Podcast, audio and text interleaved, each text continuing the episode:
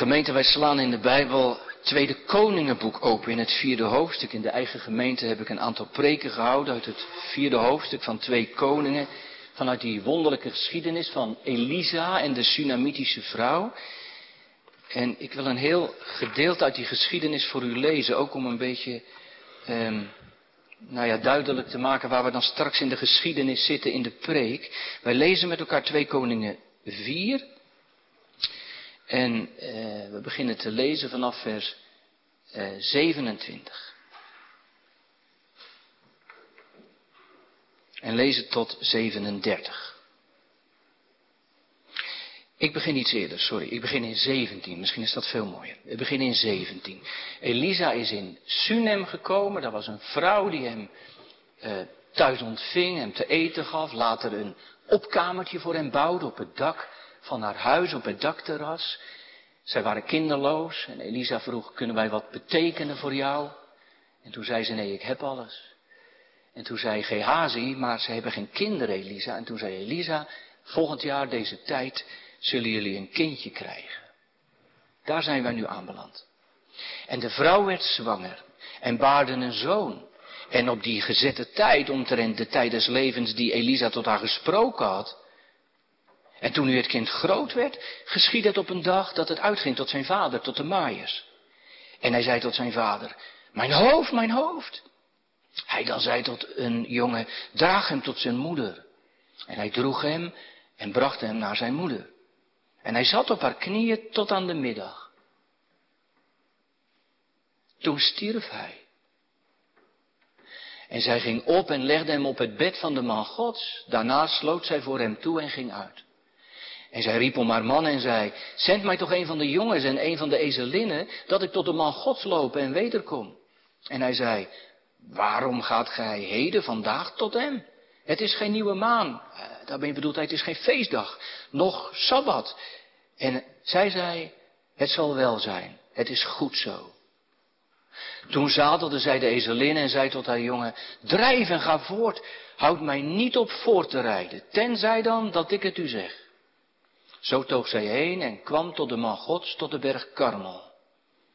En het geschiedde als de man gods haar van tegenover zag, dat hij tot Gehazi zijn jongen zei, Zie, daar is de Sunamitische. Nu loop haar toch tegemoet en zegt tot haar, is het goed, is het wel met u?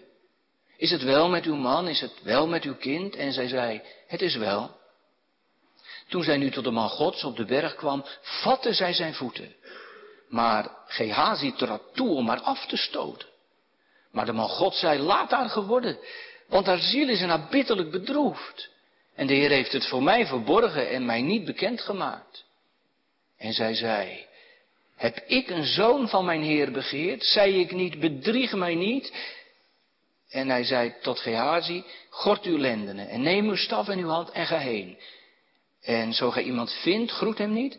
En zo u iemand groet, antwoord hem niet. En leg mijn staf op het aangezicht van de jongen. Doch de moeder van de jongen zei, zo waarachtig als de Heer leeft en uw ziel leeft, ik zal u niet verlaten. Met andere woorden, ik ga, ik ga met u mee. Hij stond dan op en volgde haar na. En dan vanaf 31, daar gaat dan de preek met name over.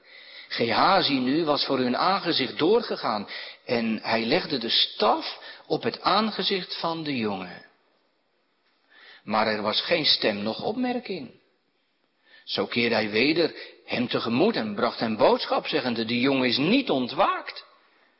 En toen Elisa in het huis kwam, zie, zo was de jongen dood. Zijnde gelegd op zijn bed. Zo ging hij in en sloot de deur voor hen beiden toe en bad de Heere.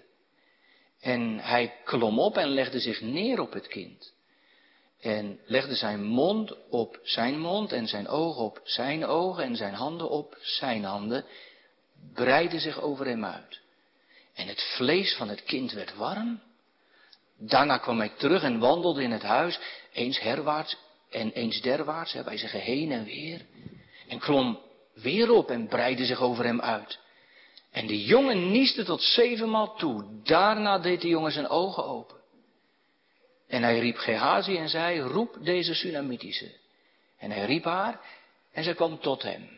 En hij zei, neem uw zoon op. Zo kwam zij en viel voor zijn voeten en boog zich ter aarde. En zij nam haar zoon op en ging uit. Tot zover onze schriftlezing.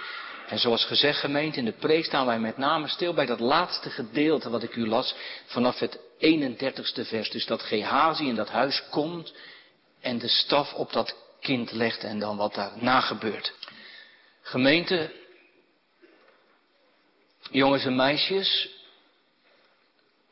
wij deden er thuis ook wel eens aan mee als we op vakantie waren.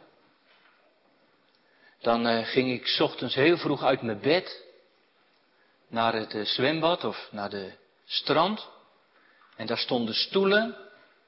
En dan had ik een stapel handdoeken onder mijn arm. En dan legde ik net zoveel handdoeken neer als er stoelen waren voor ons gezin, voor ons, voor mijn vrouw en kinderen. Dat heet handdoekje leggen. Sommige mensen zeggen dat is niet zo netjes. Maar we deden het wel. Weet je waarom? Weet je, sommigen jullie weten dat, want die doen dat ook. Als je je handdoek op die stoel legt, dan is die stoel van jou als jij later komt. Als je naar het ontbijt bent geweest en daarna naar het zwembad gaat of naar het strand, dan is die stoel van jou. Want jouw handdoek ligt daarop. En eerlijk gezegd, dat werkt altijd goed. Weet je jongens en meisjes, weten jullie dat de Heere God ook een soort handdoekje heeft gelegd? Bij jou? Weet je waar? In je hart. Toen, toen je nog heel klein was en je gedoopt werd, toen zei de Heere, deze plek, deze jongen, dit meisje, dit hart, dat is van mij. Daar wil ik zitten, daar, daar wil ik wonen, daar wil ik komen. Dus, dus, jongens en meisjes, dat moet je goed onthouden. Dan, dan mag er niemand anders in je hartje komen en wonen dan de Heere, toch? Geen zonde en de duivel al helemaal niet. En weet je, die moet je dan ook steeds maar wegjagen. Eh, omdat het iemands anders plek is. En weet je, dat is best moeilijk. Maar weet je, als je dat steeds moeilijk vindt, dan moet je maar bidden en vragen of, of de Heer je helpt en bij je blijft. En dat zal Hij zeker doen, omdat Hij dat heeft beloofd. Mag ik het zo zeggen? Het handdoekje ligt er al. Moet je goed onthouden. Gemeente, waarom begin ik de preek zo? En leg ik het zo bij de kinderen uit, om, omdat het in ons schriftgedeelte ook gaat om een soort beslaglegging. De, de Sunamitische vrouw die wij in 2 Koningen 4 tegenkomen, die vinden wij aan de voeten van Elisa. En, en ze heeft aan zijn voeten eh, gesmeekt en laten zien dat er iets ernstigs met haar zoon aan de hand is. Ja, die zoon, daar, lazen we over, die ze op een wonderlijke manier gekregen had, toch? Haar man was oud. Het Hebreeuws lijkt zelfs iets te suggereren, te zeggen als was uh, helemaal niet vruchtbaar. Ze waren kinderloos gebleven. Maar, maar Elise had gezegd dat ze een gunst mocht vragen. Omdat ze zo goed voor hem was geweest. En ze mocht alles vragen. Maar ze vroeg geen gunst. Haar leven was goed zo, zei ze. Maar, dan brengt Gehazi, de knecht van Elisa, de kinderloosheid van deze vrouw bij Elisa ter sprake. En dan roept Elisa haar bij zich en dan zegt hij tegen die vrouw, volgend jaar op deze tijd zul je een kindje krijgen. En dat gebeurde. Samen werden zij en haar oude man verblijd met een jongen. Maar, maar gemeente, dan, dan slaat het noodlot toe als dat jongetje nog maar een paar jaar oud is. Jaren daarna wordt dat kind weer van ze afgenomen, aangrijpend, hoe het hier staat. Hè? Dat het ventje naar het land gaat bij zijn vader. Sommigen van u weten precies hoe dat werkt. Zo'n boerenzoontje die even bij papa gaat kijken als hij aan het kuilen is of aan het hooien. En, en ineens klaagt over hoofdpijn, mijn hoofd, mijn hoofd. Misschien een zonnesteek of zoiets. In dat Midden-Oosten kwam dat veel voor. En, en zijn vader vertrouwt het niet. Zo gaat het dan ook toch in het gewone leven. Ga maar naar je moeder. En die neemt hem op schoot. En die bidt, die hoopt, die smeekt, die ziet het minder en minder worden. En, en dan staat het er zomaar ineens. In een paar koude, kille zinnen. Dat dat kind sterft. Hij bezwijkt op de schoot van zijn moeder. Aangrijpend. Gemeente daar, daar zit ze dan. Met, met de dood op haar schoot en onmachtiger kan een mens niet zijn, toch? Sommigen van u weten hoe dat voelt. Kind verliezen. En wat doe je dan als je niet meer weet waar je het zoeken moet? Als ik dan niet had geloofd dat in dit leven mijn ziel Gods gunst en hulp genieten zou. Mijn God, waar was mijn hoop, mijn moed gebleven? En, en daarom gaat ze hulp halen. Bij de profeet. Dat doet die vrouw. Heere, waar dan heen? Tot u alleen.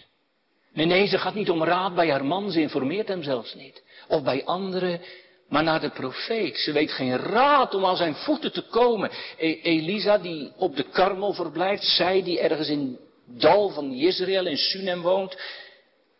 En als ze dan bij hem komt, dan valt ze voor hem neer. Meteen. En huilt ze haar nood uit. Zo vinden we haar vandaag. En ze maakt met de woorden die ze spreekt en op de manier waarop ze doet, Elisa duidelijk dat het allerergste haar is overkomen.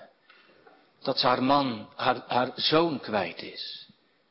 En, en gemeente, als je dat zo leest, dan doet ze dat eigenlijk een soort in licht verwijtende zin, hè. Dat hoort u wel, hè. Met huilende stemmen, met tranen over de wangen, zegt ze tegen Elisa, heb ik u dan om een zoon gevraagd? Ik heb je toch niet om gevraagd, mijn Heer? En heb ik u niet gezegd toen u dat beloofde? Je moet niet tegen me liegen, je moet me niet bedriegen. Spiegel mij niets voor. Met andere woorden, u gaf mij een zoon waarom ik niet vroeg toen u mij een wederdienst wilde bewijzen. En nu, nu heb ik die zoon, wij zouden zeggen, nu heb ik die zegeningen. En, ja, ja, gemeente Elisa moet direct begrepen hebben wat er aan de hand was. Hoezo, zegt u? Nou ja, meteen stuurt hij namelijk Gehazi op pad, die natuurlijk veel jonger was dan de profeet, snel was en dan snel naar Sunem moet. Eh, snel, dat, dat kun je een beetje opmaken uit de tekst, de jongelui. Hij, hij moet, moet, zich omgorden, hij moet zijn kleed optrekken, een soort riem of touw omdoen, zodat hij rennen kan. En onderweg mag hij niemand groeten, eh, ook nergens bij stilstaan. Eh, nou gemeente, dat was in die tijd bepaald niet de gewoonte. Maar Gehazi mag geen tijd verliezen. Dat, dat, dat is een mooie reactie eigenlijk, vindt u niet? Als je dat op je in laat werken. E, Elisa, de profeet, is geraakt. Hij, hij is bewogen door de nood van deze vrouw. En meteen stuurt hij er zijn knecht op af. weet, weet u gemeente, hierin Hierin lijkt Elisa sprekend op de hoogste profeet, de Heer Jezus Christus. Het woord van God zegt dat de Heer Jezus medelijdt met onze zwakheden en met ons verdriet. Gemeente, dat raakt hem. Hoe vaak staat er niet van de heiland dat, dat hij met innerlijke ontferming bewogen was over de scharen. Dat, dat doet iets in hem ontbranden, in de liefde.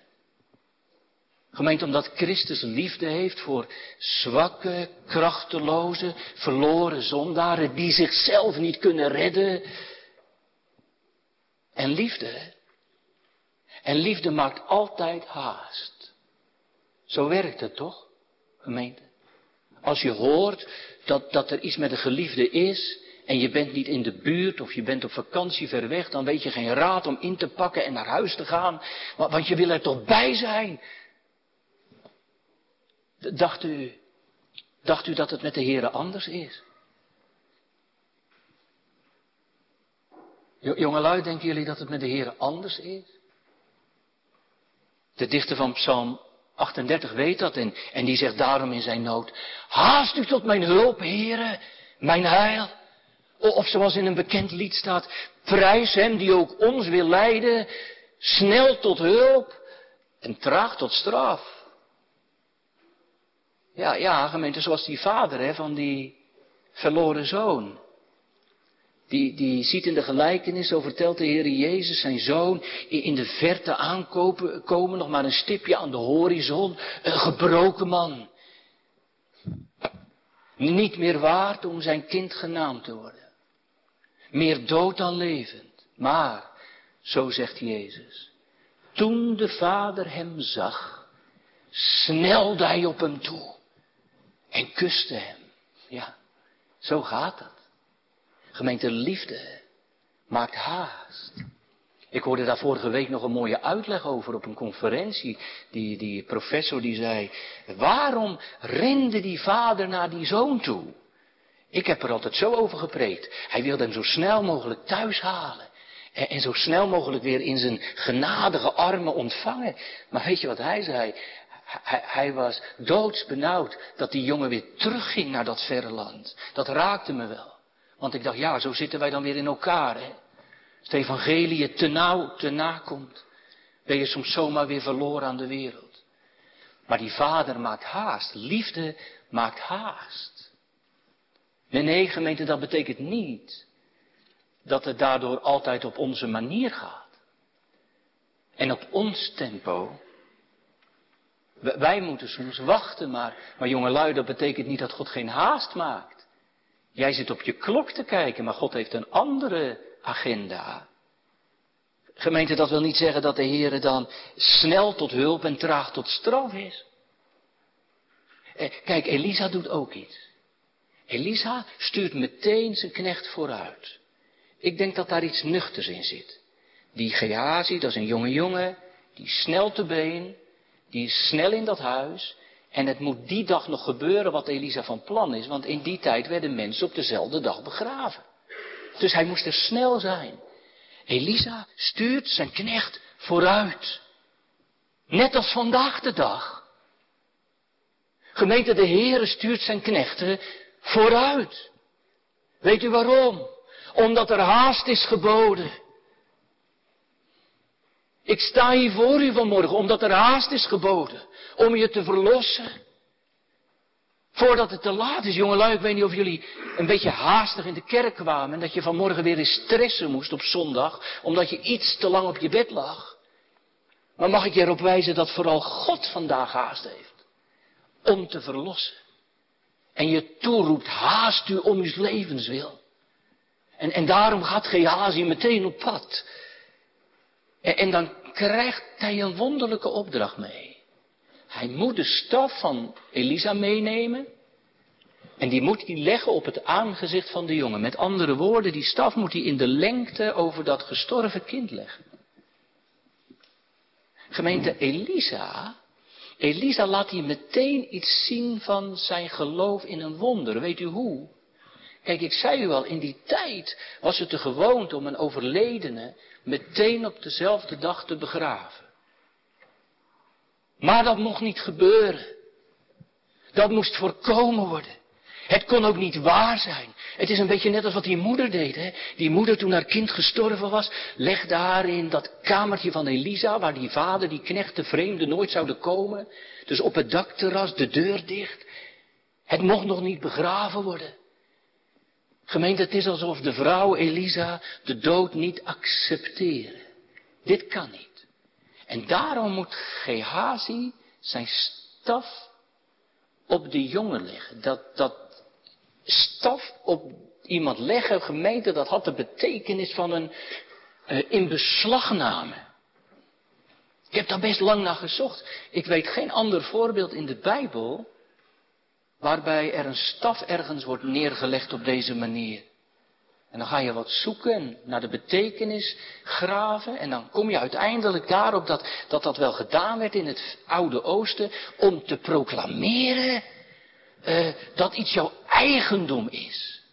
Dus je staf ergens neerleggen, dat was een proclamatie van eigendom. Niemand mocht dat kind meer aanraken. Totdat de eigenaar van de staf er zou zijn. Dus gemeente, met dat leggen van die staf op dat kind, zegt Elisa eigenlijk, hij is van mij. Laat, laat dit aan mij over. Gemeente, zegt dat ook niet alles over het verbond. Ik had het er met de kinderen al over. Dat, dat in het verbond de Heer beslag legt op je leven. Of in het heilige avondmaal. Volgens mij las ik op de website dat u twee weken geleden toch nog avondmaal vierde. Dat is een verbondsmaaltijd. Daar kom je geen geloof halen. God deelt daar ook geen geloof uit. God versterkt en bevestigt het geloof. Dat soms maar heel broos en klein is. Met de woorden van zijn verbond.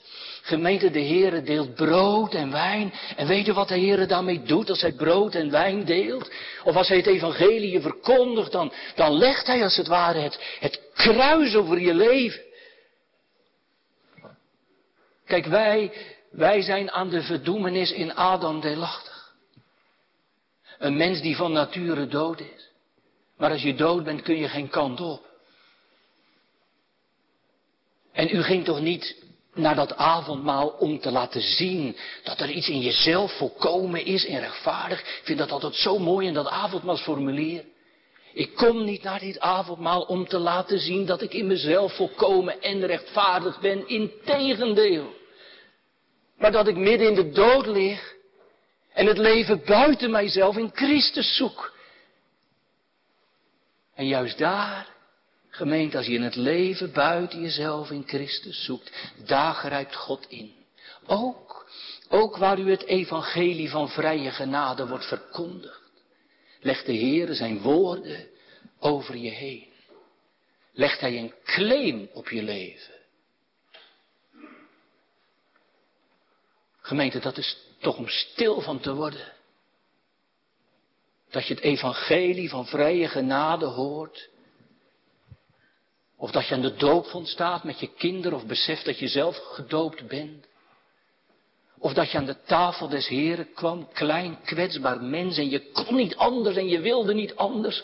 En de Heere legt in dat alles zijn staf van genade, het kruis van zijn zoon over je leven. Steeds als dat evangelie van genade, als de God van het verbond tot je spreekt. Steeds als hij brood en wijn uitdeelt. Steeds als het doopwater drupt. En gemeente, daarmee zegt hij iets. Nadrukkelijk. Weet je wat hij daarmee zegt? De Heere zegt daarmee, je bent van mij. Ik eis u op. Je hebt geen recht op jezelf. Ik heb recht op u. U bent mijn maaksel. En ik sta voor u in. En ik neem het voor je op. En ik leg de prijs op tafel. Je bent niet van de dood, maar ik eis je op in Christus. Gemeente, de Heere eist je op. Hij zegt, je bent van mij, er is niks van jezelf, dat. Gemeente, en het kruis van Christus laat zien wat die staf van Elisa doet. Ik ga niet akkoord met uw dood en met uw ondergang. Al lig je er middenin. En al eh, eist de Satan je op. En heb je terecht de dood en het oordeel verdiend. En daar kan ik niks aan doen. Want een dode kan niks. Zeggen wij wel eens, hè, een mens kan niks. En, uh, dat, is natuurlijk, dat is natuurlijk waar. Je, als je dood bent in zonde en misdaden. Jongelui, de Bijbel is niet zo moeilijk als je denkt. Het is een heel mooi beeld. Nou ja, mooi beeld, een begrijpelijk beeld. Iemand die dood is, een lijk, kan niets doen. Die kan niks vragen, die kan niet zeggen weg met een leven, of die kan niks. Het moet beginnen van de andere kant.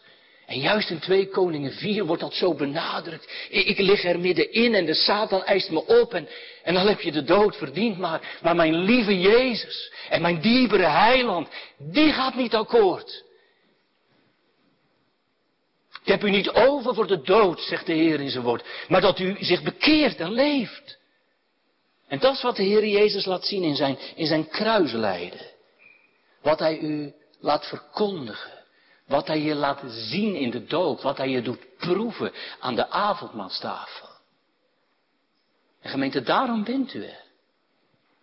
En daarom kom je onder het woord. En daarom is de Heer dat wonderlijke verbond in je leven aangegaan. En daarom wil de Heer u ontvangen. En daarom, er zit nog een daarom aan. Als je niet bent, jongelui, als je niet onder het woord komt, of het niet wil horen, of structureel niet naar het avondmaal kunt of gaat, of je kind niet laat dopen, dan laat je iets liggen. Iets uitermate kostbaars, echt waar. En gemeente, laat het ons nooit rust bezorgen. Maar laat het juist je, je verlangen mogen aanwakkeren. Juist daar waar de Heer je nodigt, daar waar het kruis gepredikt wordt. Laat het je mogen vertroosten dat er plaats en ruimte is onder die staf, onder dat kruis van Christus. En dat Hij het uitdeelt. Uit genade. Echt. Nou ja, het begint hier. Het begint bij die beslaglegging. Gemeente, mag ik het voor de gemeente zo zeggen vanmorgen? Uw zaligheid begint bij het verbond. En dan zegt u misschien, ja, maar mensen in Afrika dan, die niet gedoopt zijn. Maar daar preek ik toch vanmorgen niet voor. Ik preek tot u. De gemeente van het verbond, de gedoopte gemeente. Die God opeist. Maar er gebeurt meer vandaag. Uiteindelijk komt Elisa dan in dat huis van die Sunamitische. Eh, kijk, kijk, even daarvoor, even daarvoor had, had Gehazi en, en, je hoort dat er enige teleurstelling is en zijn stem had hij tegen Elisa gezegd, er is niks gebeurd. Ik heb die staf op de jongen gelegd, maar hij is niet wakker geworden. Weet je wat ik het mooie daaraan vind, gemeente? Het mooie is dat, dat Gehazi dat blijkbaar wel geloofde. Anders was hij niet teleurgesteld. Dat, dat, dat jongelui Gehazi, het was echt een jongere nog hoor. Dat, dat die jongere die een opdracht van Elisa die staf op dat kind legt, echt geloofd heeft. Dat er een wonder zou gebeuren. Hij heeft er ook even op staan wachten. Het is een, het is een knecht die zijn meester op zijn woord gelooft. En dat doe ik ook. Ik geloof mijn meester op zijn woord. Gelooft u het ook? De meester op zijn woord geloven omdat hij het gezegd heeft. Niet omdat ik het voel. Ik weet niet of u uw geloof vaak voelt. Ik voel het vaak meer niet dan wel. Maar ik geloof mijn meester op zijn woord. Ook als de weg van God donker is. Want jongelui, de weg van God is wel eens donker. Soms, soms zie je geen hand voor ogen. Soms begrijp je de Heer ook niet.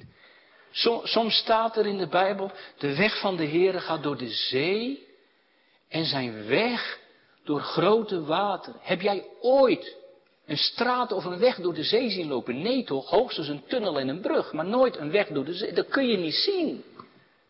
Maar de psalmdichter zegt, zo gaat het wel. Gods weg is door de zee en door grote wateren. Uiteindelijk bevrijdt hij zo zijn volk Israël uiteindelijk. Wat mijn meester zegt is waar. Ik geloof mijn meester. Als hij zegt, en mijn woord zal niet ledig tot mij weerkeren. En daarom verkondigen wij dat woord ook op die manier tot u. Nee, nee, niet omdat ons geloof zo sterk is. Nee. Nee. En nog eens een nee. Het is vanwege de meester, de hoogste profeet, gemeente vanwege zijn trouw. En vanwege zijn genade. En vanwege zijn woord. Hij is zo getrouw als sterk. Hij zal zijn werk voor mij voleinden. Ja, en als u daar uw hele leven niks van ziet, dan zal ik het straks zien. In eeuwigheid. Want God heeft gezegd, ik laat niet één van mijn woorden ter aarde vallen. En als God dat zegt, dan is dat toch waar? Staat in het Lutherlied zo mooi, hè? Nou, Luther had het lastig hoor, met alle vijandschap van paus en keizer en En wat al niet meer zei. En, en, en dan laat hij zingen, Gods woord houdt stand in eeuwigheid. Het zal geen duimbreed wijken. de duimbreedte gemeente was de kleinste breedte in de Bijbel. Het zal geen duimbreed wijken. Beef Satan, want hij die ons geleidt zal u de vaan doen strijken. Ja, maar als er dan geen resultaat is, want u zei toch Gehazi gelooft zijn meester op zijn woord, ja, maar er gebeurt niks. Er is geen resultaat.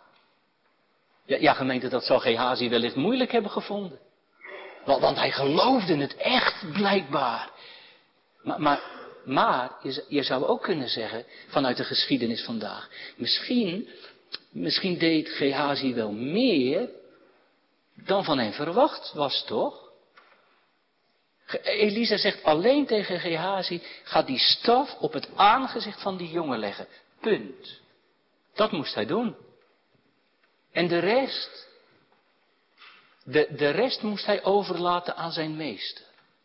En geloven dat het, dat het in goede handen is. Maar, maar Gehazi was blijven wachten, had het gecheckt, gekeken. Maar gemeente, we, we moeten op de Heeren wachten. Dat, dat moeten wij ook leren, toch? Wij, willen de dingen zo vaak in, in eigen hand nemen en uh, God voorschrijven uh, hoe het moet. Dan ga ik bidden om een zegen en dan heb ik het moeilijk en dan zeg ik in mijn gebed ook alvast hoe de Heer het moet doen. Want dan zeg ik, Heere, wilt u? En dan heb ik alvast de oplossing. En ik zeg de Heer ook vaak wanneer hij het moet doen. En ook vaak op het moment dat ik er uh, behoefte aan heb. Of op het moment dat ik het in ieder geval beleef. Maar, maar, maar weet wat het is, gemeente? We moeten het aan de meester overlaten. Aan hem. En vertrouwen dat, dat wat hij zegt, dat hij dat ook doet. En dat hij het doet wanneer hij het wil. Net zoals vandaag in de geschiedenis. Nee, nee, nee, nee niet denken, oh, er is een dominee die zegt, je moet afwachten en, en komt het niet, dan komt het niet. En, uh, en een beetje passief en God moet het doen. Dan moet u vooral een beetje doorluisteren of beter luisteren. Wat ik u zeg is, geloof zijn heil en troostrijk woord. En wat de Heere zegt zal bestaan. En waar ik verborgen word onder het kruis van Christus. Waar God beslag legt onder mijn leven. Daar komt het goed. En, ja, dat is moeilijk soms. Mag ik het eens heel eenvoudig zeggen dan? Jongelui, mag ik het eens heel simpel zeggen? Geloof het gewoon. Geloof het nou gewoon. Dat, dat wat hij zegt, dat hij dat ook doet. En schuil onder dat kruis en, en weet dat als je in het verbond bent en God je onder dat kruis gebracht heeft, dat er machtige dingen te verwachten zijn. Echt waar. Ook, ook gemeente als je het soms even niet voelt. En, en ook als je het zo graag zou voelen. Of ook als het leven anders gaat dan je zou hopen. Zeker. Ook dan. Laat het aan hem over. Je komt niet beschaamd uit. Echt niet. Dat, dat blijkt toch ook vandaag. Het hele evangelie spreekt daar toch van vandaag ook. Als e- Elisa dan in Sunem is. Dan gaat hij meteen zijn eigen kamertje binnen op dat dakterras waar zijn bed staat met daarop die gestorven jongen. En, hij doet de deur dicht. Niemand komt er verder aan te pas. Geen, geen hocus. En dan gebeurt er eigenlijk wel iets heel wonderlijks. Hè? Elisa die, die vereenzelvigt zich helemaal met dat kind. Smekend strekt hij zich over dit kind uit met, met zijn hele lichaam gaat hij er bovenop liggen. Nou ja, althans met zijn mond en handen. Het is trouwens niet de enige keer dat het in de Bijbel gebeurt. Dat deed Elia ook al. Bij die dode jongen uit Sarfat. Die ging ook zich uitstrekken over dat kind. En, en trouwens het Nieuwe Testament ook. Paulus, bij, bij die jongen die, die na een hele lange kerkdienst in slaap was gevallen en uit, uit het venster was gevallen en gestorven. En daar staat ook dat, dat Paulus zich over die jongen strekte. Helemaal. En het staat er vandaag heel specifiek. Kijkt u maar. Elia's mond op zijn mond. In het verlangen gemeente dat, dat de levensadem in van God weer in hem geblazen zou worden. Vast. En zijn ogen op zijn ogen in het verlangen dat het levenslicht weer in de ogen van de jongen zou komen. En, zijn handen op, op zijn handen in, in de hoop en in het geloof dat, dat er weer kracht in zou komen. En, en Elise doet het twee keer, hè? Staat er ook. Gemeente, ik, ik geloof dat, dat het feit dat Elisa twee keer moet doen, duidelijk moet maken dat die jongen straks niet terugkeert in het leven omdat Elisa eh, deze handeling deed. Want dan had het na één keer ook wel gebeurd. Maar, maar om te laten zien dat het de Heer alleen ging om deze symboliek in de handeling. Een boodschap was. En zo, en zo wekt Elisa de jongen op. Net als bij Elia. Gemeente, wat gebeurt er hier een geweldig wonder. Dat stijve, koude lichaampje van die jongen wordt warm. En, en hij komt plots tot leven. En hij moet zeven keer niezen. Dat is ongetwijfeld een teken geweest dat hij, en een onderstreping geweest dat, dat hij echt leefde. Je zou kunnen zeggen, nu, nu de profeet zich over hem ontfermd heeft in de naam van de Heer, heeft de dood het nakijken. Gemeente, en dat is precies wat Christus doet. Niet anders dan dat. De Heer Jezus die zich helemaal met een zondaar vereenzelvigt. Helemaal. Gemeente, als ik wegschuil onder het kruis. En hij zegt, ik eis je op en je bent van mij. Dan zegt hij er ook iets bij. Weet u, weet u wat? Hij zegt, maar, maar dan moeten we wel ruilen. Ik jouw dood en jij mijn leven. Een wonderlijke ruil. Ja, ja, u hoort het wel. De Heer Jezus die, die moest ervoor sterven. Elisa niet. De Heer Jezus zegt, ik, ik voor u, omdat u anders de eeuwige dood moet sterven.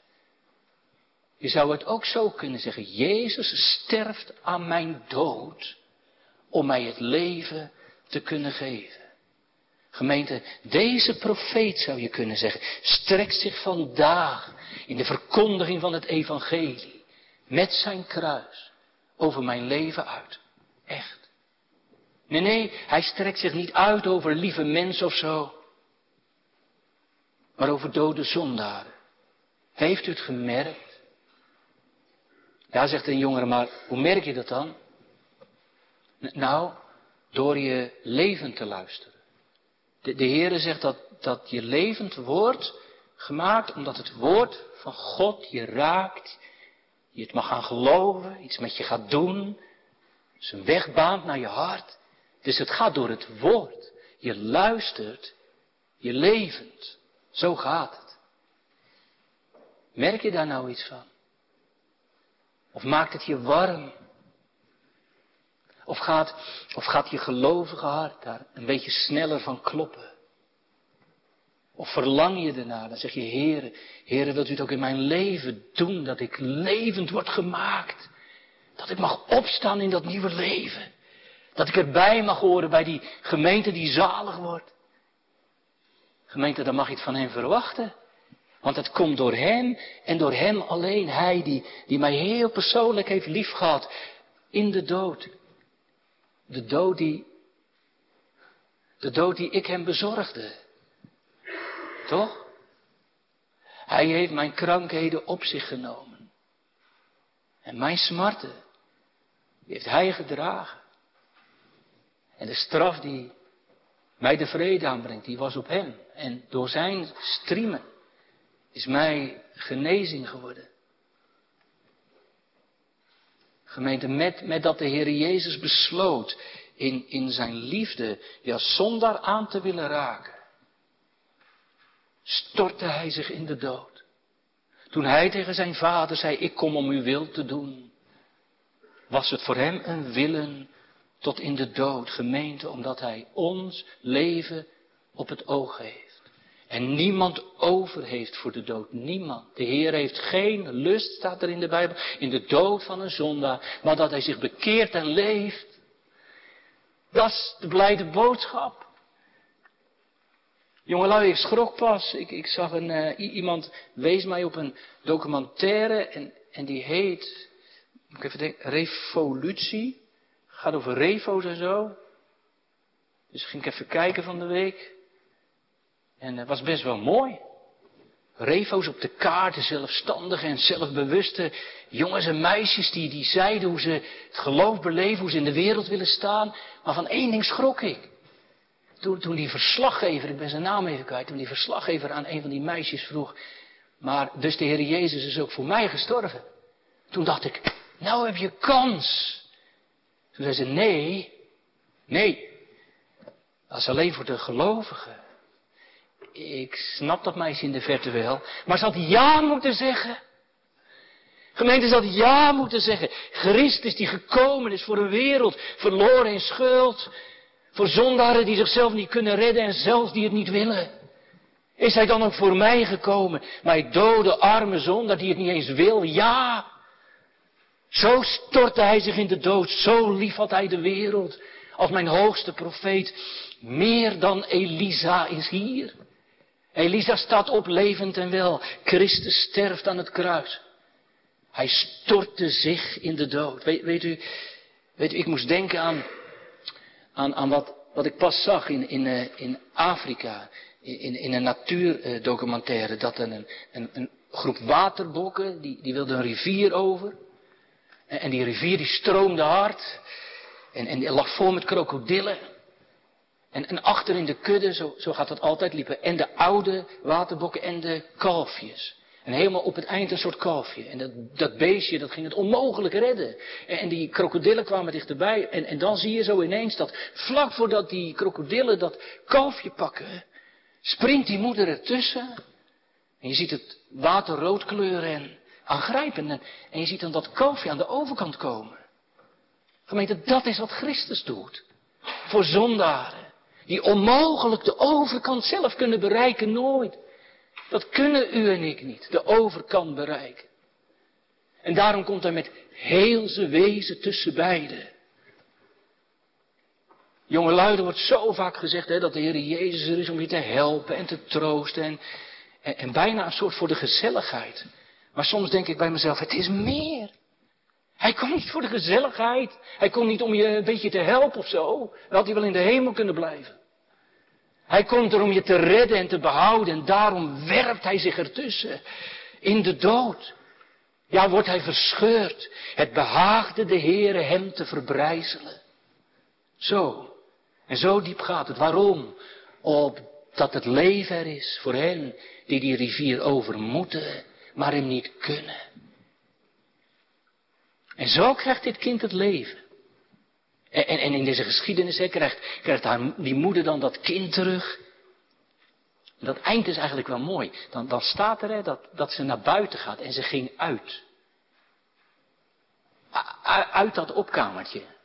Ja, ziet u het? Dus is een huis met een dakterras, met daarop een gemetseld opkamertje. Daar, ligt die jongen in, in, in die opbaarkamer. En daar gaat ze uit. Uit die plek van de dood. En uiteraard gaat ze daarna haar eigen huis in. Weer thuis. Dat is het laatste wat ik u wil zeggen. Want dat is ook wat Christus doet. Wat de Heer Jezus doet. Als Hij tussen beiden komt in je leven, dan, dan haalt Hij je uit dat diensthuis, uit dat dode huis. En dan tilt Hij op om je thuis te brengen. Bij dat huis des vaders. Gemeente, in de evangelieverkondiging mogen we daar een streep onder zetten. Hè, dat je onderweg bent. Onderweg bent naar je eindbestemming. En dat Christus tussen beiden komt. En dat ik alleen daardoor de overkant haal. En als je dat mag weten in je leven, dan kom je thuis. Dan word je eruit gehaald en binnengebracht. Dan haal ik de overkant, al is het soms proestend en hoestend. Als een kalfje dat maar nauwelijks de, het hoofd boven water had. Maar, maar dan kom ik thuis omwille van Hem, mijn zaligmaker. En dan zal ik Hem tegemoet gaan. Mijn hoogste profeet en leraar. En Hem in de ogen zien die tussen beiden kwam. En het lam zien als geslacht voor de troon. En dan mag ik het uitjubelen jubelen met de levende voor eeuwig. Dat loflied van het lam, die mijn zonde op zich nam en het leven voor mij gaf.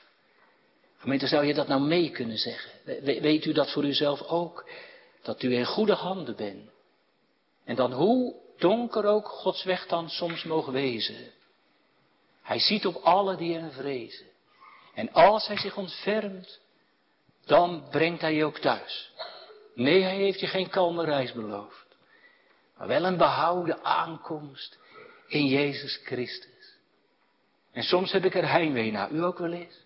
Als je kopje ondergaat, als je in de wereld om je heen kijkt, als je ziet hoe het gaat met alle crises die ons land treffen.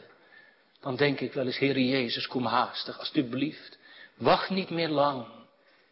Maar kom met uw oordeel en maak u alle dingen nieuw. En dan zal ik u zien van aangezicht tot aangezicht.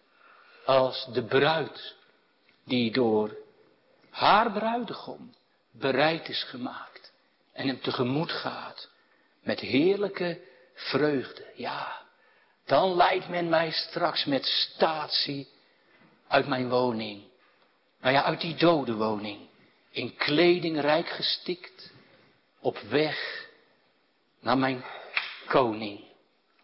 Amen.